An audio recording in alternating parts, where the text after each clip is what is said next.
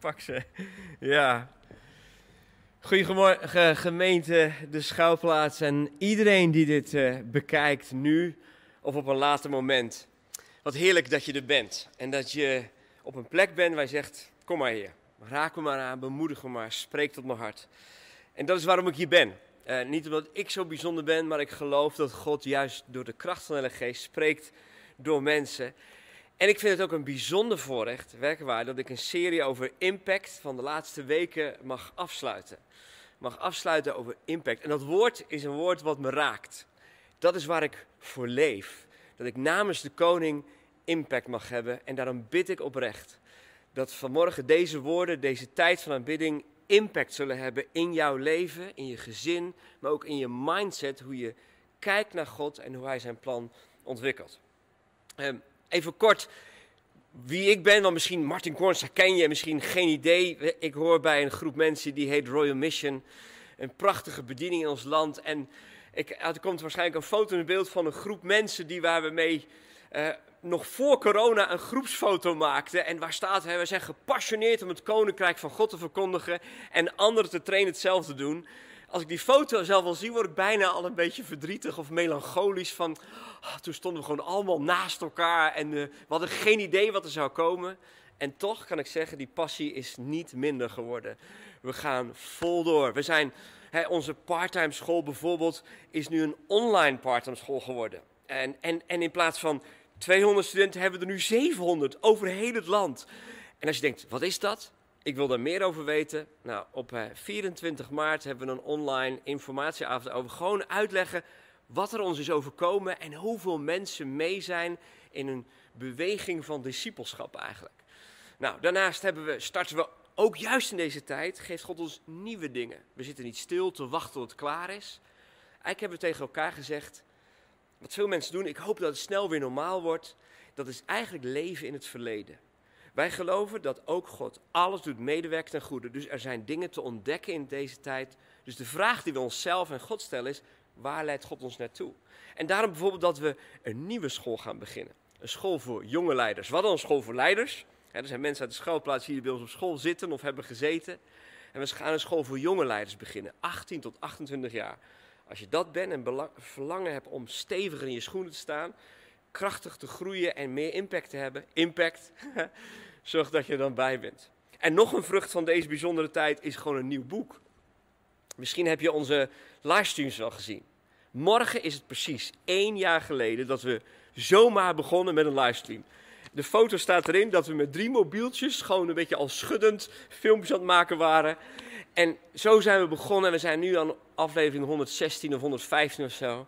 En dit boek is eigenlijk een 80 dagen van hoop, 80 van die stukken die we gedeeld hebben met foto's en verhalen en opdrachten. Voor ons is dit een gedenksteen dat God in tijden van crisis nieuwe dingen doet ontstaan. En uh, prachtig om dat te mogen noemen. En eigenlijk zegt dat al iets over de impact die God kan hebben als we onszelf aan Hem overgeven in elke nieuwe situatie. En eigenlijk wil ik het daarover hebben. De preken van Impact gingen over ontmoetingen. Hè? Nicodemus, de Samaritaanse, de Canaanitische vrouw, de bloedvloeiende vrouw. Ontmoetingen tussen Jezus en het, de impact die dat heeft. En vandaag wil ik het ook over een ontmoeting hebben van twee mensen die elkaar niet ontmoeten. dat is toch cool, hè? Ja, ik hou van net even dat zoeken. Maar het is wel een ontmoeting, want er wordt overweer gecommuniceerd op afstand. Nou, misschien denk je, waar gaat hij het over hebben? Lees met me mee.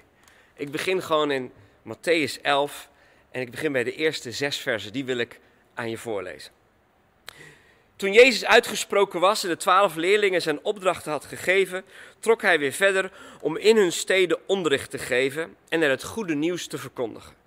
Toen Johannes in de gevangenis over het optreden van de Messias hoorde, stuurde hij enkele van zijn leerlingen naar hem toe met de vraag: Bent u degene die komen zou, of moeten we een ander verwachten?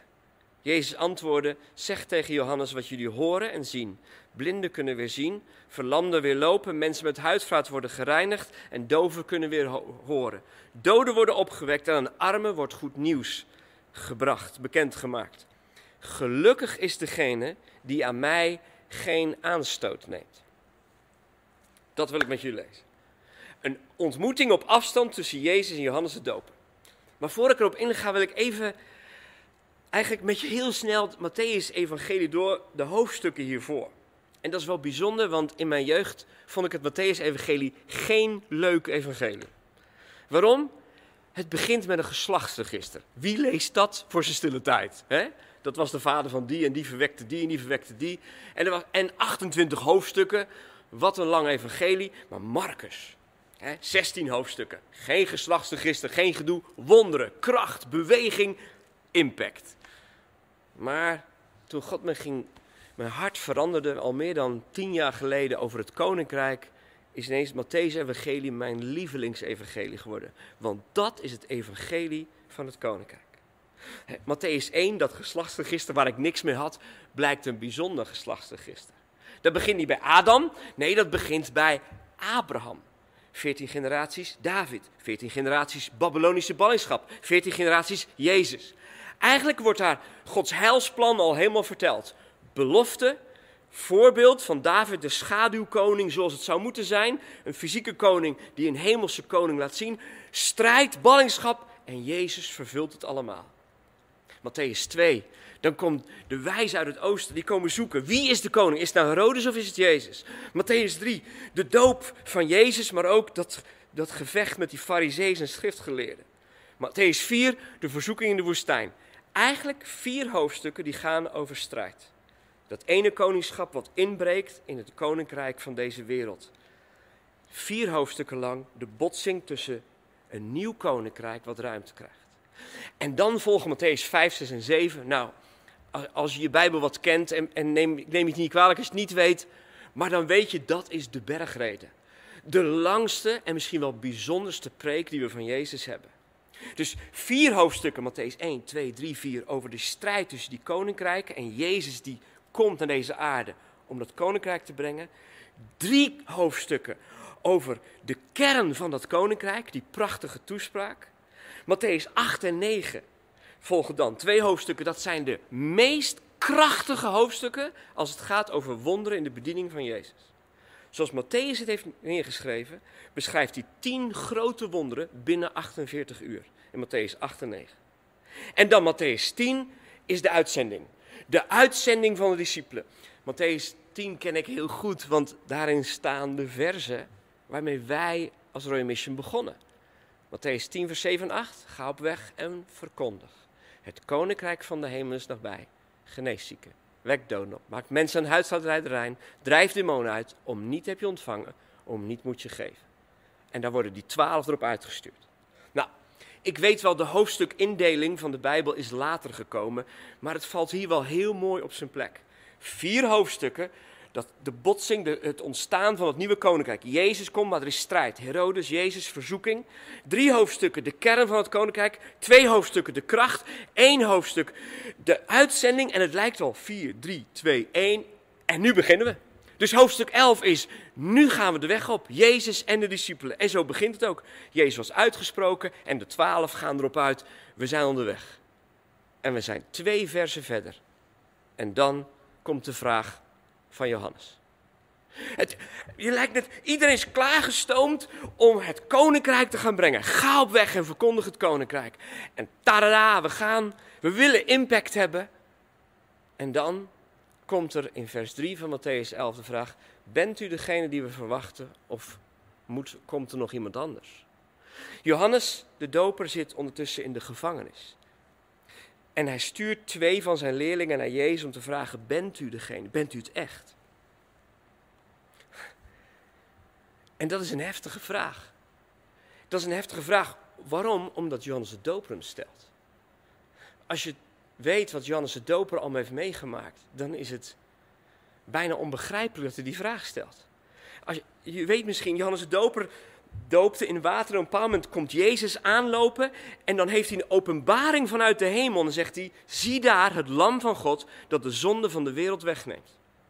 Hij zag iets wat niemand anders zag. De profeet Johannes, de doper, zag: Dit is het Lam van God.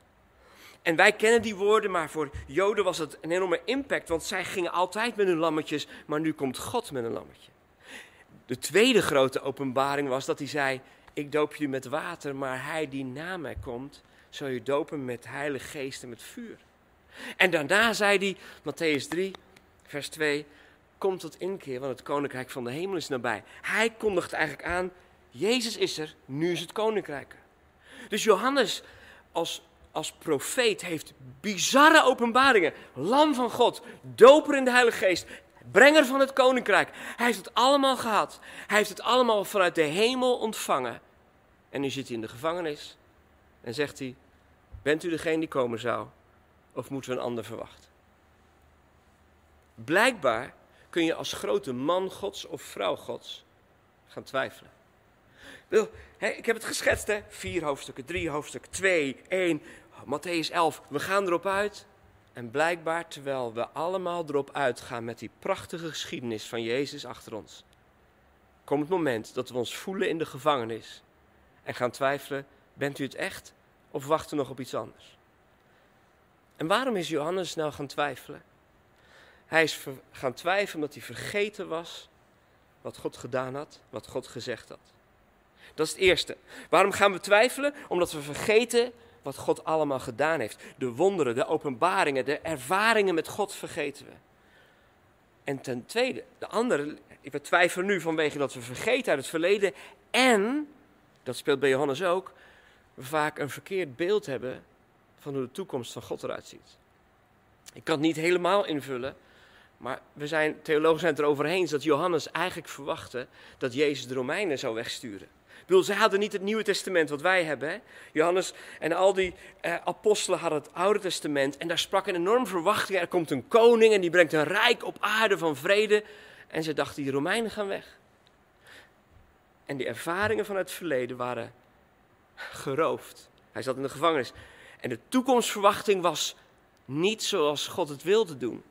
Zelfs de discipelen op het laatste moment, net voordat Jezus naar de hemel gaat, vragen ze in Handelingen 1, vers 6. Gaat u in deze tijd nog het koninkrijk herstellen over Israël? En dan zegt Jezus, het is niet aan jullie om die tijden en gelegenheden te weten, maar zorg dat de kracht van de Heilige Geest over je leven komt. Weet je wanneer je gaat twijfelen? Wanneer je gelooft in dat koninkrijk, maar gaat twijfelen als je vergeet wat Jezus gedaan hebt en een toekomstbeeld hebt wat je verwart en denkt, maar u zou toch even alles oplossen? Maar blijkbaar nodigt Jezus ons uit om vandaag vervuld te zijn met de kracht van de Heilige Geest. Dat zelfs al ben je in de gevangenis, je weet, Jezus is Heer. En wat zegt Jezus? Eh, wat, zou, nee, wat zou je reactie nou moeten zijn als jij, als ik, me in deze tijd gevangen voel? En het kan gevangen zijn door ziekte, gevangen door omstandigheden, maar zelfs je fysiek gevangen voelen door een lockdown en alles waar we middenin zitten. Wat moet je doen? Allereerst, herinner jezelf aan wat Jezus in je leven gedaan heeft. En als je nu live kijkt of straks terugkijkt, en je zit op YouTube of Facebook, ik weet niet eens waar het uitgezonden wordt, en je kunt in de chat iets schrijven, zou ik je willen uitnodigen om dat nu te doen. Schrijf één zinnetje over wat Jezus in je leven gedaan heeft. Zelfs al voel je het nu niet, maar schrijf het erin. Voor jezelf en als getuigenis naar anderen. Dat we met elkaar gewoon delen, wat heeft Jezus bij ons gedaan? Waar was Hij het lam van God in mijn leven? Hij heeft mijn zon, welke zonde heeft Hij vergeven? Waar was Hij de, de doper in de Heilige Geest, waar ik de kracht van de Heilige Geest heb ervaren? Waar brak het koninkrijk door in mijn leven? In mijn omstandigheden heb ik gezien dat Hij dingen rechtzette en herstelde. Zelfs al voel ik me nu in de gevangenis, maar wat deed Hij in het verleden? Deel nou wat God doet. Ik denk dat het voor ons heel belangrijk is dat we steeds vertellen hoe Jezus zich aan ons geopenbaard heeft. In het Engels zeggen ze dan: Don't forget in the dark what you've seen in the light. Vergeet niet in het donker wat je gezien hebt toen het licht was.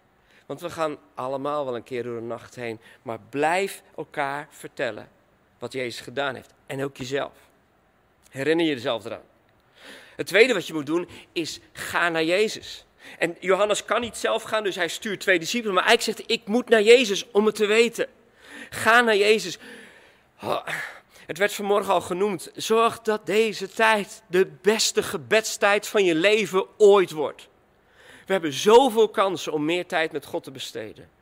En juist als je het moeilijk hebt, als je in de gevangenis zit, als je opgesloten voelt, Doe dan wat David deed. Hij versterkte zich in de Heer. 1 Samuel 30, vers 6. Midden in de hectiek. Hij werd bijna gestenigd. Hij versterkte zich in de Heer. Zoek je kracht in Jezus.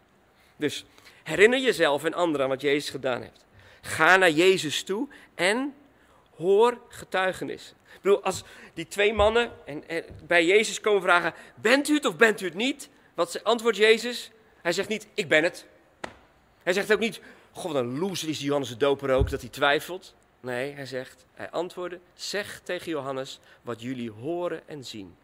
Blinden kunnen weer zien, lammen kunnen weer lopen, mensen aan huisartrijden worden gereinigd, doven kunnen weer horen, doden worden opgewekt, aan armen wordt goed nieuws gebracht. Eigenlijk zegt hij, kijk de wonderen die wel gebeuren. Richt je aandacht op wat God wel doet. Al zit jij in de gevangenis, doet God op andere plekken prachtige wonderen. Deel getuigenissen. Daarom wilde ik beginnen onder andere met dit boek vanmorgen. Niet van, oh, dit moeten we wel in de PR goed doen. Nee, dit is een getuigenis van wat God doet in tijden van nood. Hij heeft ons zo gezegend. Eigenlijk zou iedereen van ons geregeld getuigenissen moeten delen met elkaar. Gewoon vertellen wat God nu doet. Al is jouw leven op dit moment staat het onder druk. Ik zou je uren verhalen kunnen vertellen van wat God op dit moment wereldwijd doet. In Nederland, maar ook wereldwijd. Ik was vorige week deel van een internationale conferentie via Zoom. En er waren zoveel prachtige getuigenissen uit Nieuw-Zeeland, uit Zwitserland, uit allerlei plekken in deze wereld. Wat God juist nu doet. En als ik een klein voorbeeldje moet noemen. Twee weken geleden sprak ik in Rotterdam. En kom eens hier Rotterdam ook via zo'n livestream, ook via een camera. En tijdens de preek gaf God me twee gedachten. En één gedachte was, er is een vrouw die een enorm slikprobleem heeft. En ik wil nu voor je bidden dat je genezen wordt. En ik bad voor de, en dan bid je voor een camera en denk je, nou, ik weet niet wie er kijkt, ik weet niet wat er gebeurt. En toevallig gisteravond kreeg ik via mijn vrouw en via via een filmpje doorgestuurd van een vrouw die vertelde, ik was die vrouw. Ik had al jaren last van slikproblemen. En terwijl er voor me gebeden dat genoemd, ik dacht, dat ben ik, dat gaat over mij. En ze opende de handen en ze werd genezen. En weet je wat ze in het filmpje deed? Ze zei, en hier heb ik een gebakje en dan ga ik nu opeten. Gewoon voor de camera. Om te laten zien dat God haar genezen had. Zomaar in, in twee zinnen, drie, vier zinnen in een livestream. Oh mensen, kijk wat Jezus doet. Zie de wonderen. Zelfs al zit jij in de gevangenis, zal, mag, moeten mensen je vertellen. Laat mensen je vertellen wat God aan het doen is. Dus allereerst, herinner jezelf wat God gedaan heeft. Ten tweede, ga zelf naar Jezus toe. Hoor de getuigenissen. En iets anders, omring je met het profetische. Omring je met mensen die van God horen. Want wat doet Johannes? Hij stuurt twee mensen naar Jezus, die horen iets van Jezus en vertellen dat aan Johannes. Soms heb je nodig dat andere mensen van God horen en het jou vertellen om je moed te geven. We hebben nood in onze kerken, in ons land, aan profetische woorden. En dat hoeft niet meteen een profeet zoals Johannes Doper zijn, die sprinkhanen heet en een kamelenharen jas heeft. Maar gewoon mannen en vrouwen die deel zijn van het lichaam van Christus die bemoedigen vanuit de hemel, die woorden van troost en op, opbouw spreken, zodat we horen, ja maar God spreekt nu.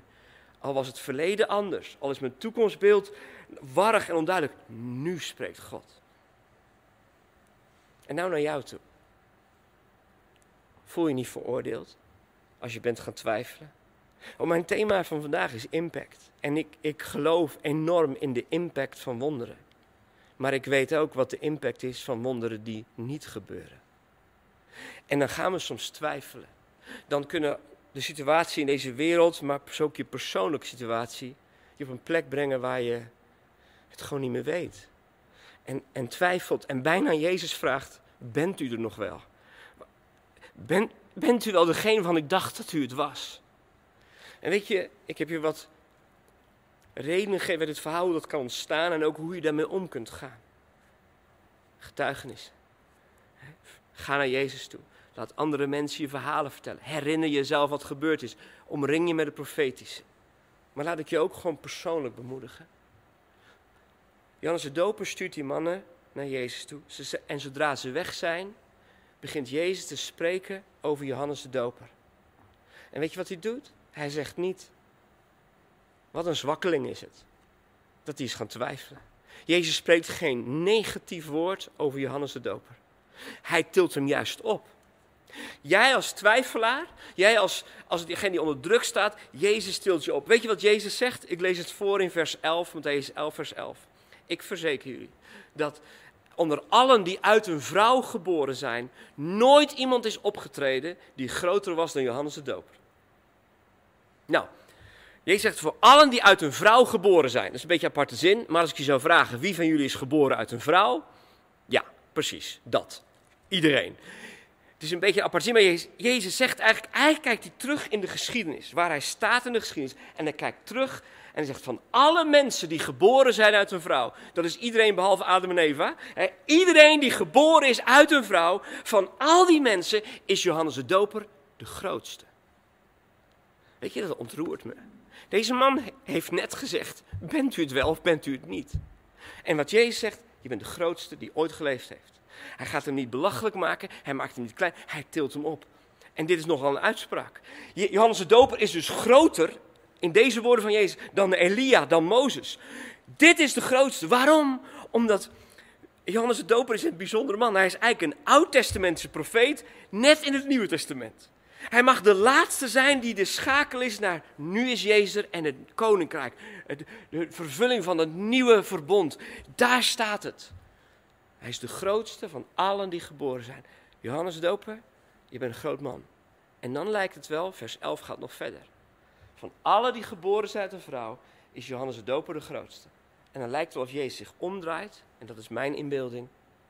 Maar zelfs de kleinste in het koninkrijk van God is groter dan hij. Waarom? Er is een nieuwe tijd begonnen.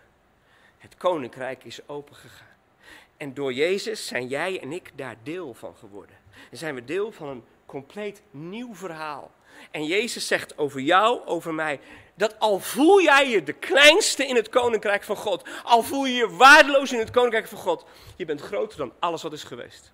Dat is wat Jezus over jou zegt. Zelfs al twijfel je, zelfs al twijfel je aan Jezus. Hij spreekt goed over jou, want je bent niet gered omdat jij het zo goed kan, maar omdat God zo goed is. Zo heeft hij jou binnengebracht. En daarom leven vanuit genade. En we danken God voor wat hij gedaan heeft. We vertrouwen voor de toekomst. En we geloven dat de kracht van de geest ons vandaag leidt. En dan die laatste zin die ik voorlas. Matthäus 11, vers 6. Is me heel dierbaar geworden. Het is een heel pijnlijke zin. Gelukkig is degene die aan mij geen aanstoot neemt. Dat zegt Jezus nog tegen die twee mannen die zijn gekomen. Die moeten gaan vertellen. Vertel Johannes wat er was je gezien en gehoord, al die wonderen. En gelukkig is degene die geen aanstoot aan mij neemt. Beetje aparte zin. Gelukkig, dat betekent je bent gezegend. De, de gunst van God is extra op jou. God kan veel voor jou betekenen als je geen aanstoot neemt. Het Griekse woord van aanstoot, wordt het uh, woord scandalon gebruikt. Waar ons Nederlandse woord schandaal vandaan komt. Gelukkig is degene die geen scandalon aan mij neemt. En het woord scandalon betekent eigenlijk iets waar je over struikelt, over valt. Doordat het een schandaal is, kom ik ten val. En eigenlijk zegt Jezus, gelukkig is degene die niet over mij struikelt. En wat bedoelt Jezus? En dit, dit, dit zit zo diep in mijn hart wat ik nu ga zeggen. Gelukkig is degene die geen aanstoot neemt, die niet valt over het feit dat de ene genezen wordt en de andere niet. Die niet valt over het ene, de ene komt uit de gevangenis en de ander niet. Petrus wordt door een engel uit de gevangenis gehaald en zijn bediening gaat door. En Johannes zal uiteindelijk onthoofd worden in de gevangenis. Daniel zit in een leeuwenkuil en de leeuwen komen tot rust en er gebeurt niks en de volgende dag wordt hij eruit gehaald. En Stefanus staat er en wordt gestenigd en sterft. Gelukkig is degene die hier niet over struikelt. Je bent extra gezegend als je uiteindelijk kunt zeggen: Heer, we gaan vol achter u aan. En tegelijk nemen we geen aanstoot aan wat wel en niet gebeurt. Want dan kun je zelfs als je gestenigd wordt, Jezus zien. Zoals Stefanus Jezus zag staan en zijn gezicht ging glanzen. Hij verloor zijn leven wel, maar hij zag degene die het leven is. Gelukkig is degene die geen aanstoot neemt. Oh, laat je bemoedigen, laat je inspireren. Het profetische, maar ten diepste is degene, vertrouw Jezus. Want als mijn geloof, als mijn vreugde zit in het wonder, Dan heb ik vreugde als het wonder gebeurt. En heb ik verdriet als het niet gebeurt. En dan gaat mijn leven zo. Dat is wat Jezus zegt in Lucas 10 als hij de volgende groep erop uitstuurt, die 70 of 72. En dan komen ze terug, "Oh, weet u dat zelfs de demonen aan ons onderworpen zijn? En volgens mij Matthäus, eh, Lucas 10 vers 11 zit daar ergens. En dan zegt Jezus, eh, verheug je niet dat demonen gaan. En dan denk je, mag je niet blij zijn met bevrijding? Oh ja, juich over een demon die vertrekt. Vier feest als iemand genezen wordt. Dank God dat hij voorziet, dat hij spreekt, dat hij openbaart. Vier het feest. Maar Jezus zegt, verheug je niet dat demonen gaan, maar dat je naam is opgeschreven in het boek des levens. Oh, we mogen ons verheugen in wonderen. En als je mij kent, weet je, als er een wonder gebeurt, dan ga ik compleet uit mijn dak. Maar de bron van mijn vreugde is niet het wonder. De bron van mijn vreugde is de genade van God dat mijn naam staat opgetekend in het boek des levens. En die bron stroomt altijd, is altijd stabiel, is altijd sterk. En geeft een basis voor vreugde elke dag. Of je in de gevangenis zit of niet. Of je eruit komt of niet. Of je gestenigd wordt of uit de leeuwenkuil komt. Geen aanstoot. De vreugde is in Jezus en in zijn goedheid. Impact van wonderen? Oh, wonderen hebben zoveel impact. Maar impact van niet-wonderen is er ook. En bij beide willen we terugkomen bij de bron, en dat is Jezus. Geloof ik in de kracht van wonderen? Ja. Jezus ook. Als de vraag voorkomt, bent u degene, is het antwoord, kijk naar de wonderen. Wonderen bewijzen dat Jezus de Messias is. Wonderen hebben we nodig om mensen te laten zien, Jezus is de Zoon van God. Het Koninkrijk is gekomen. Er is een redder. Er is kracht van de Heilige Geest. En tegelijk als het wonder niet gebeurt, neem geen aanstoot. En als je bent gaan twijfelen, Jezus spreekt groot over je. De kleinste in het Koninkrijk is groter dan Johannes de Doper. Dan alles wat geweest is. Je wordt opgetild door de koning. Je krijgt een kroon op je hoofd, dat is wie je bent. En daarnaast, deel getuigenissen. Herinner je wat God gedaan heeft. Omring je door het profetische. Laat mensen je verhalen vertellen wat God doet. En laat je absoluut, en daar gaat Jezus ook nog even op in, niet gek maken door discussies die je afleiden van Jezus. In Matthäus 11, vers 18, hetzelfde hoofdstuk, zegt Jezus van Johannes de Doper, zeiden ze, hij eet niet en hij drinkt niet, hij is met een demon bezeten. Van mij zeggen ze, ik eet veel en drink veel, ik ben een dronkaard en een veelvraat. Eigenlijk zegt Jezus, er zal altijd discussie zijn als je dit doet of dat doet, maar dat is niet de kern. En als we in een tijd waar we nu leven, het is eindeloos discussies. Van complotten, van de regen, van de overheid, van dit, wel vaccineren, niet vaccineren. En we laten ons gek maken met een discussie die ons afleidt van koning Jezus. Neem geen aanstoot aan Jezus. Ga naar Jezus toe. Hoor de verhalen. Leef in het nu. Hoe de toekomst eruit ziet, ik weet niet precies, maar hij is goed. Hoe het verleden was, God was goed. Dan is God vandaag ook goed. En ja, laten we met elkaar een cultuur hebben waarin we geloven dat God wonder doet. Dat hij enorm veel impact heeft. En een cultuur waarin we kunnen dealen met wonderen niet gebeuren. En zien naar Jezus. Jezus zien. En dan eindigt het hoofdstuk met kom naar mij, alle die vermoeid en belast zijn. En ik zal je rust geven. Het lijkt wel of Jezus, en de tijd is al wat verder in het hoofdstuk, maar uiteindelijk vat het samen. Vind nou rust bij mij. En om af te sluiten. Deze tijd van gevangenis. Of het nou de pandemie is of je persoonlijke situatie. Zou het niet ook een tijd kunnen zijn waarin God iets wil veranderen in ons?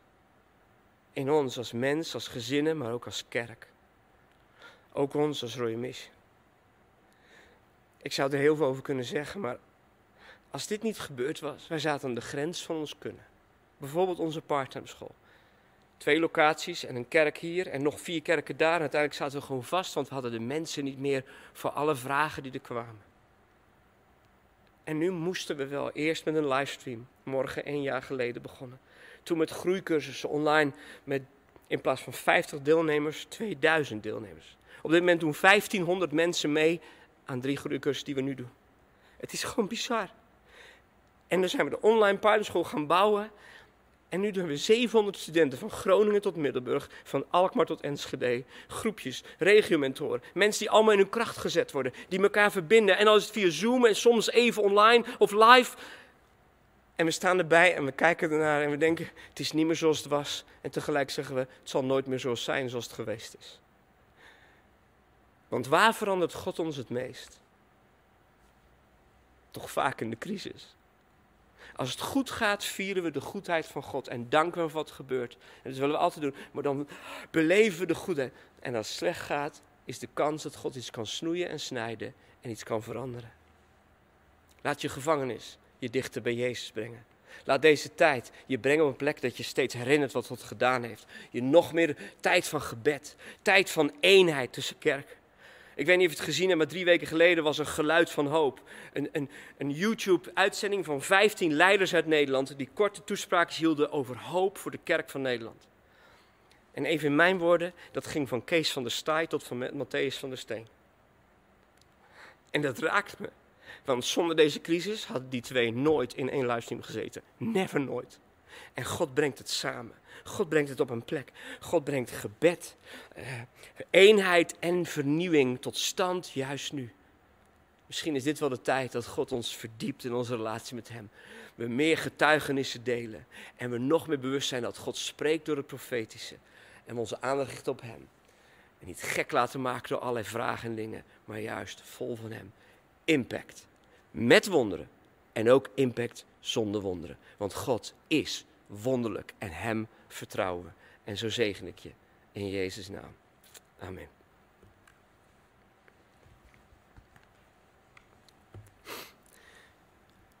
De band komt alweer terug en ik wil nog uh, voor jullie bidden. Kom maar, uh, muzikanten.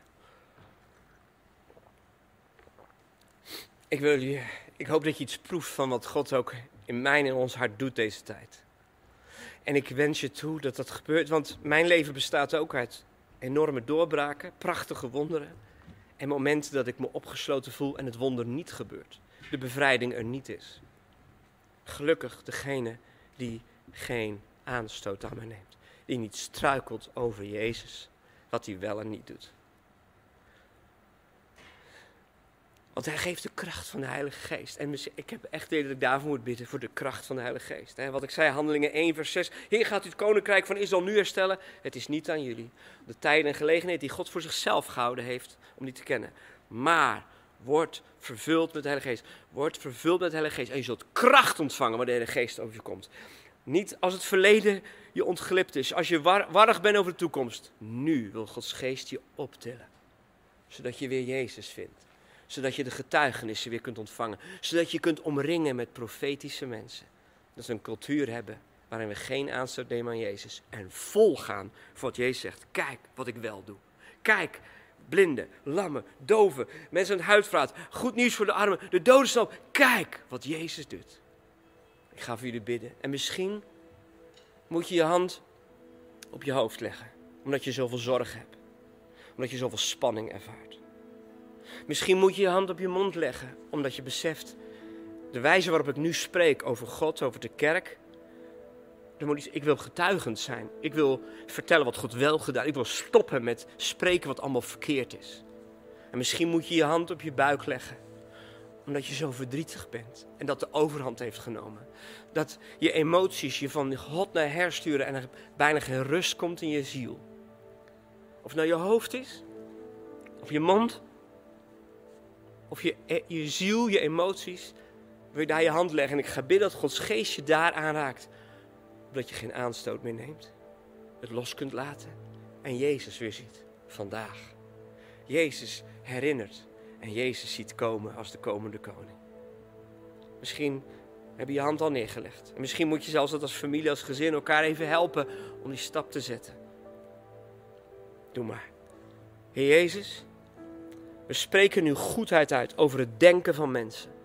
Dat de onrust die daar is ontstaan, de spanning, maar misschien ook de, het negatieve denken, de, maar ook de veroordelen over onszelf, dat we het niet kunnen, dat we het niet waarmaken. Maar ook de, de strijd, Heer, breng het tot rust. Vervul hem met uw geest, omdat uw denken onder uw regie komt. Heer, mensen die hun hand op hun mond hebben gelegd, waar hun spreken een loopje heeft genomen met hun leven. Waar hun woorden niet meer zijn tot eer van u, maar meestromen met de media van deze wereld. Heer, laat onze woorden weer u vergroten.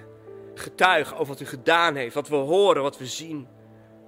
Heer, raak mensen aan in hun ziel, waar ze onrustig zijn geworden. Waar ze heen en weer geschud worden en er eigenlijk geen houvast meer vinden. Heilige Geest, vervul mensen opdat er weer een fundament onder hun leven komt. Van de kracht van de Heilige Geest. Van Jezus, die altijd te vertrouwen is. Van de genade dat ons naam staat opgetekend in het boek des levens. Heer, vervul uw kerk. Vervul uw mensen. Vervul gezinnen. Vervul alleenstaande, ouderen, kinderen, jongeren. Vervul uw kerk met zegen. Heer, laat dit een moment zijn dat we opnieuw vervuld worden in ons denken, in ons spreken, in onze ziel met uw glorie. En geen aanstoot nemen. En daardoor zeer gezegend zijn en ruimte kunnen bieden aan uw wonderen, uw werken en uw prachtige woorden. In Jezus' naam. Amen.